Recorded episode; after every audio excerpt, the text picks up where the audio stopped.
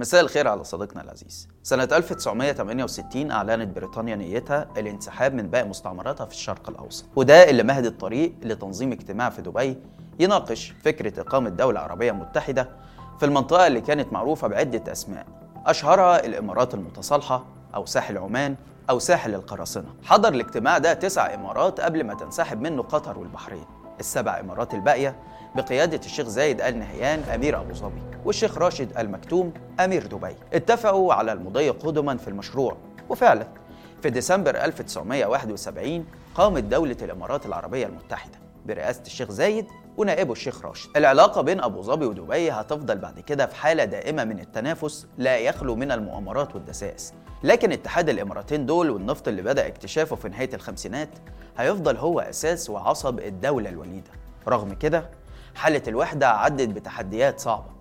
كان أبرزها خروج إمارة رأس الخيمة قبل ما ترجع وتنضم تاني في فبراير 1972 بس قبلها بشهر واحد كانت الإمارات على موعد مع أول محاولة إنقلابية واللي قام بيها الشيخ صقر بن سلطان القاسمي الحاكم السابق لإمارة الشارقة. لكن الحكومة الاتحادية نجحت في إفشالها. مصر في عهد عبد الناصر أيدت قيام الإمارات. واستمرت في إرسال البعثات اللي بتضم مدرسين ومهندسين وأطباء ساهموا بقوة في نهضة الدولة الغنية. مثلا رجل الأعمال المصري محمد الفايد بيعتبر واحد من مؤسسي دبي لأن بفضل علاقته مع الشيخ راشد نجح في جذب شركات استخراج البترول لدرجة إن كان هو المتحكم في سعر البترول اللي بيتم استخراجه من الإمارة وكان بياخد 20% من أرباح البترول. ده غير إنه حصل على ميناء دبي حق انتفاع لمدة 25 سنة.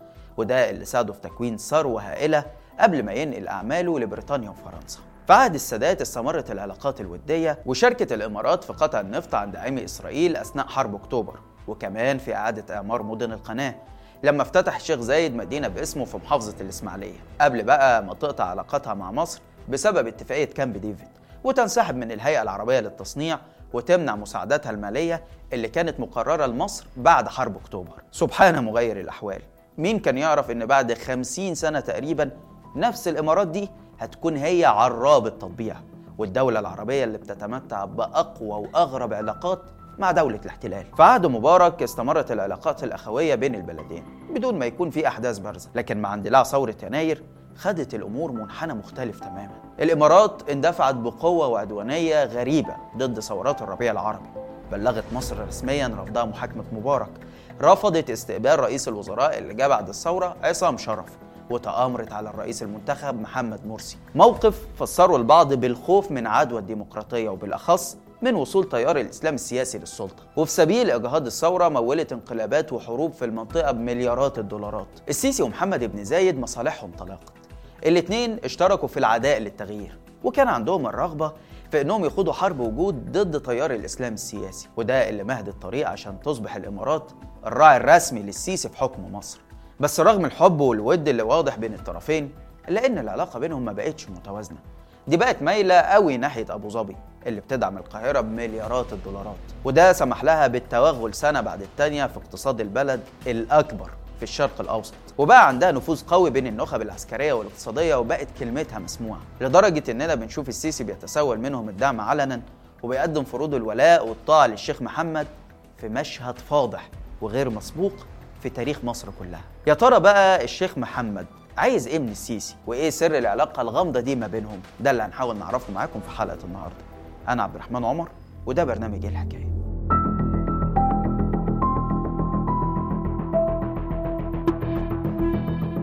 تاني يوم أو تالت يوم بعد ما قلت البيان بتاع 3 7 ده فقالوا آه كنت الشيخ محمد بن زايد جاي يزور مصر. طيب أول مرة هشوفه. فجه الشيخ محمد ومعاه وفد من دولة الإمارات وعارف إيه المطلوب. مش أنا قلت له والله العظيم ما قلت له. والشيخ محمد في الوقت ده نظم مع الأشقاء الدعم اللي هيتقدم لمصر. اللي أنا بأكده هنا إن لولا وقوف الأشقاء في الإمارات في السعودية في الكويت اللي أنا بتكلم عليه لولا ما كانتش مصر وقفت تاني. أيوه أنا طب أنت ما تكسفش إنك تقول كده؟ ليه بتكسف ليه؟ أهلا بيكم. يوم الاثنين 13 فبراير 2023 السيسي وقف يتكلم عن التجربة المصرية في القمة العالمية للحكومات. وده مؤتمر بتنظمه الإمارات لتبادل الخبرات بين الدول. كلمة السيسي كانت مهينة قوي لكل المصريين رغم الحفاوة الإماراتية طبعا بيها. وده لأنه استمر في لهجة التسول. اللي لا تليق بأي بلد فضلا عن مصر. البلد اللي شعبها طول عمره نشأ على معاني الكرامة وعزة النفس. الراجل كمان بالغ جدا في مدح الإمارات. وقال كل التعبيرات اللي تعني إن أنتم أحسن مننا وأغنى مننا ودايما سابقنا في حين إن لما جاي يتكلم عن الأوضاع في مصر اللي هو المسؤول الأول عنها وصل لهم فكرة إننا متخلفين وفقراء ومحتاجين تريليون دولار كل سنة عشان نبقى متحضرين زيكم. وإن الشعب ضيع البلد في 2011 وانتوا اللي أنقذتوها. ولولاكم مصر كانت ضاعت. والشيخ محمد هيزعل النقطة المضيئة الأولانية هو الدعم دعم الأشقاء. آه نسقف لو سمحتوا آه نسقف آه طبعا. يا رب يديم عليكم الستر والأمان والسلام والنعمة. اللهم أمين. عشان هم دايما دايما بيسبقونا. في البداية بقى تعالوا كده نقارن خطاب السيسي لكفيله في الإمارات وخطابه للمواطن المصري اللي المفروض هو السيد وصاحب الكلمة. أول حاجة قعدة السيسي طبعا مختلفة. الراجل في مصر بيكلمنا من ظهره. وعمره ما سأل أنا معايا وقت قد إيه. في مصر هو صاحب الكورة بيمسك الحديدة ويتكلم زي ما هو عايز. محدش يقدر يوقفه ولا يقاطعه ولا يرد عليه حتى. وطبعا من حقه يزعق فينا زي ما هو عايز. ونادرا أما بيظهر معاه مذيع يطرح عليه أسئلة فيها شيء كده من المصارحة. زي مثلا لما فيصل سأله عن أولويات الإنفاق أو ضرورة بناء عاصمة جديدة. وده مش معناه إن الحوار كان مثالي لأ. ده واضح إنه كان مترتب والسيسي عارف الأسئلة مسبقا. بدليل إنه كان بيقول له أنا عارف إنك هتسأل على كذا وكذا. بس نقدر نقول إنه على مستوى الشكل كان مختلف شوية. اسمع يا فيصل معايا وقت قد إيه؟ معك كل الوقت. صحيح. الرئيس قلت لي معاك وقت قد إيه؟ هي حسب الأجندة نص ساعة ولكن طيب. هناك استنى لك فخامة ده واخد بالي. ال- استنى بس يا سيبني يا فيصل. أنا في ده أنا نفس ما صدقت يا فيصل. في الس- في السياق. وأنا ما صدقت أيضا أقابلك فخامة الرئيس. بعض. استنى يا فيصل. فخامة الرئيس يعني بس. شكك في اسمع العلاقة الكلام بين بقى. القاهرة وبعض يا اسمع يا العواصم فيصل. الخليجية. خلينا اتكلم تفضل تفضل فخامة الرئيس. اللي ما كانش مختلف بقى هو السيسي نفسه اللي قال إنه هيتكلم على طبيعته. وإحنا الحقيقة ما عندناش غير النسخة دي من السيسي. يعني عمرنا مثلا ما شفناه بيتكلم بطريقة دبلوماسية أو متماسكة أكتر من كده. هو دايما بيتكلم بالحب. يقول أي أرقام من غير ما حد يراجع وراه. يروي سرديته هو عن الأحداث اللي غالبا بتكون مخالفة للواقع تماما. يعني مثلا قال إن الفوضى اللي حصلت في 2011 خسرت البلد 450 مليار دولار. وده لا هو رقم رسمي خرج من أجهزة حكومية ولا سمعنا بيه قبل كده. وبرضه يقول لك الشعب كان بيمر بحالة كده من اليأس والخوف بعد الثورة. وده طبعا مخالف للحقيقة. المصريين كانوا حاسين وقتها بكل مشاعر الأمل والتفاؤل في المستقبل. نروح بقى لأسوأ جزء في خطاب السيسي وهو كلامه عن المساعدات الخليجية لنظامه بعد 2013 وأنا متعمد أقول إن الدعم ده ما كانش لمصر ده لنظام السيسي ومحاسيبه. لأن الحقيقة إن الإمارات مستفيدة من السيسي أكتر ما هو مستفيد منها سواء بقى من ناحية السياسة أو حتى من ناحية الاقتصاد. في السياسة تخيل إنه بلد مساحتها أقل من 100 ألف كيلو متر مربع وعدد سكانها لا يتعدى ال 10 مليون نسمة 12% بس منهم مواطنين والباقي كله أجانب. تخيل دولة بالحجم ده قادرة تتحكم في بلد بحجم وقيمة مصر وتخليها تابع ليها ومعتمد عليها. من ناحية الاقتصاد بقى فالأشقاء في الإمارات نازلين شراء في أصول الدولة المصرية بشكل غير مسبوق. من ساعة ما السيسي دخل البلد في أزمة اقتصادية بسبب طبعا تراكم الديون اللي استلفها منهم بالإضافة لمؤسسات دولية زي صندوق النقد والبنك الدولي. يعني ببساطة كده الناس دي سلفتنا فلوس وبعدين رجعوا ياخدوا مقابلها أصول استراتيجية. ورغم إن فشل السيسي الاقتصادي بالذات بقى ظاهر للكل وحقيقة مؤكدة للجميع بما في ذلك الإشقاء في الخليج زي ما هو بنفسه قال في المؤتمر الاقتصادي. رغم كده السيسي راح يبيع للإماراتيين تبريراته واللي يبدو إنهم دون أشقائهم في الخليج كله مقتنعين بيها. أو من مصلحتهم إنهم يقتنعوا بيها. يعني إيه بقى الكلام ده؟ ركز معايا. الأشقاء أنواع. في أشقاء في السعودية والكويت دول كلامهم العلني دلوقتي إن إحنا مش هندي مساعدات بدون شروط وإن برامج الإصلاح الاقتصادي لازم تتعرض علينا ونشوفها ونوافق قبل ما ندفع. عايزين نعرف بندي فلوسنا لمين وبتتصرف على إيه؟ مع طبعا تلميحات كده وتصريحات حوالين طريقة إدارة السيسي واقتصاد الجيش. بس يبدو بقى إن في أشقاء تانيين في الإمارات دول مستعدين يسمعوا كلام السيسي ويتبسطوا قوي منه بل ويسقفوا له كمان لأنه ببساطة شديدة جدا بيحقق مصالحهم. السيسي في رده على سؤال الأولويات قال أغرب إجابة ممكن تسمعها في حياتك وهي إنه ما عندوش أولويات. وبرر ده بحاجة اسمها المسارات المتوازية. يعني أنا شغال في كل القطاعات بعمل بنية تحتية وبطور الصناعة وبهتم بالتعليم والصحة. طيب هل الكلام ده صحيح؟ طبعا لا. اولا لأن مفيش بلد ما عندهاش أولويات وأي إدارة بيكون عندها مشروع قائم على فرصة معينة أو قطاع معين بتركز عليه وتتحرك منه لباقي الملفات. كوريا الجنوبية مثلا اللي السيسي ذكرها كمثال نهضتها ما بدأتش غير بعد الحرب الكورية في الخمسينات اللي خرجت منها في وضع مأساوي على كل المستويات. بس بدل ما تعتمد على المعونات والمساعدات الأجنبية عملوا خطة اقتصادية قايمة على فكرة الصناعة. بدأوا بالصناعات الخفيفة زي النسيج ومنها انتقلوا وفق خطة مدروسة للصناعات التقيلة زي الحديد والصلب والسيارات. وبعدين بقى دخلوا في الصناعات التكنولوجية. تخيل بقى لو كانوا فضلوا معتمدين على المساعدات. هل كانوا هيوصلوا للي هم فيه النهارده؟ السبب التاني بقى إن السيسي أصلا عنده أولويات عادي جدا، أمال العاصمة الإدارية ومشاريع البنية التحتية والقصور والطيارات الرئاسية دي إيه؟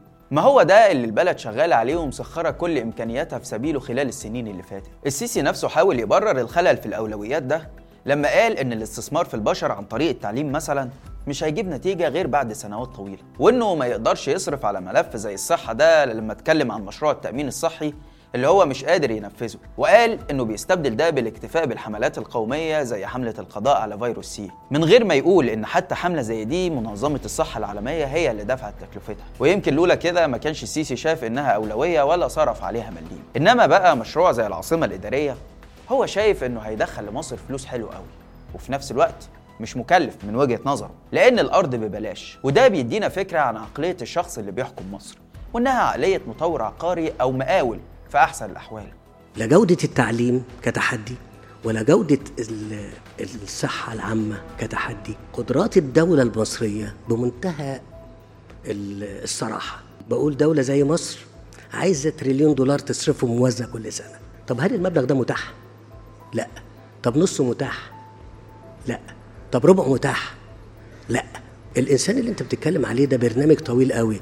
أنا لما أجي أعمل مسار تعليمي جديد أو مسار تعليمي متطور أشوف نتائجه بعد كام سنة؟ بعد سنين عقود. 14 سنة. بالفكرة يا فيصل بإن هي بقت العاصمة فبقى المطور العقاري عايز يخش. أنا اشتغلت مطور استراتيجي في ال 24 مدينة. اشتغلت إيه؟ مطور. مطور استراتيجي. الدولة اشتغلت كده. من فلوس منين؟ من الأرض دي. السيسي كمان قال جملة خطيرة جدا وبتكشف عن رؤيته للمصريين لما اتكلم عن خصوصية كل بلد وقال إن كل حاكم أدرى بشعبه اللي هو على طريقة محمد صبحي يعني شعبي وأنا حر فيه. السيسي هنا بيحاول يكرر كلام قاله قبل كده وملخصه إن أنا الوحيد اللي عارف مصر وعارف مشاكلها وأنا الوحيد اللي عندي الحلول وأقدر أحكمها. بس الأزمة إن السيسي بيحاول يلعب دور الحاكم والمحكوم مع بعض. يعني تلاقيه مثلا يقول المصريين ما كانوش يقدروا يتحملوا مشكلة قطع الكهرباء فجبت الوزير وقلت له المشكلة دي لازم تتحل في سنة واحدة وهصرف عليها أي فلوس. بس لما يجي الكلام عن غلاء الأسعار يقرر إن المصريين يقدروا يتحملوا عادي. ولما يجي الكلام عن رفع الدعم برضه المصريين هيتحملوا. بينما في الحقيقة الموضوع مش كده خالص. القصة وما فيها إن السيسي لما كان في بداية حكمه كان عايز يراضي الناس ويحل مشاكلهم عشان ينال ثقتهم ويحظى بدعمهم لأنه عارف إن ده اللي هيساعده في تثبيت حكمه. بس بعد كده لما أحكم قبضته على السلطة كشف الوش الحقيقي وخد إجراءات اقتصادية شديدة القسوة ضد مصالح ملايين المصريين من الطبقات الوسطى والفقيرة. وبعد ما كان الكلام مصر هتبقى قد الدنيا بقى الكلام إحنا فقراء قوي يعني ما عنديش أولويات ما أقدرش أقول إيه آخد دي وأسيب دي. أنا عايز أجابه التحديات دي كلها مرة واحدة. هنا التجربة المصرية ليها خصوصيتها. ما كانش في أولويات ما أقدرش. كان لابد إن أنا أتعامل. وبرضه بقول تاني كل دولة المفروض إن مسؤوليها أدرى بثقافة وممارسات شعبها. نفس الكلام في تعامله مع ثورة يناير.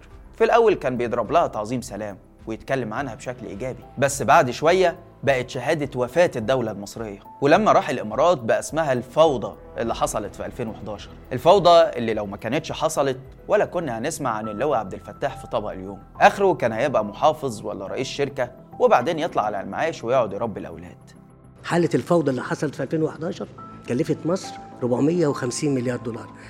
وكادت أن تضيع مصر كما تعرضت كتير من الدول في المنطقة اللي أنتوا عارفينه كلكم.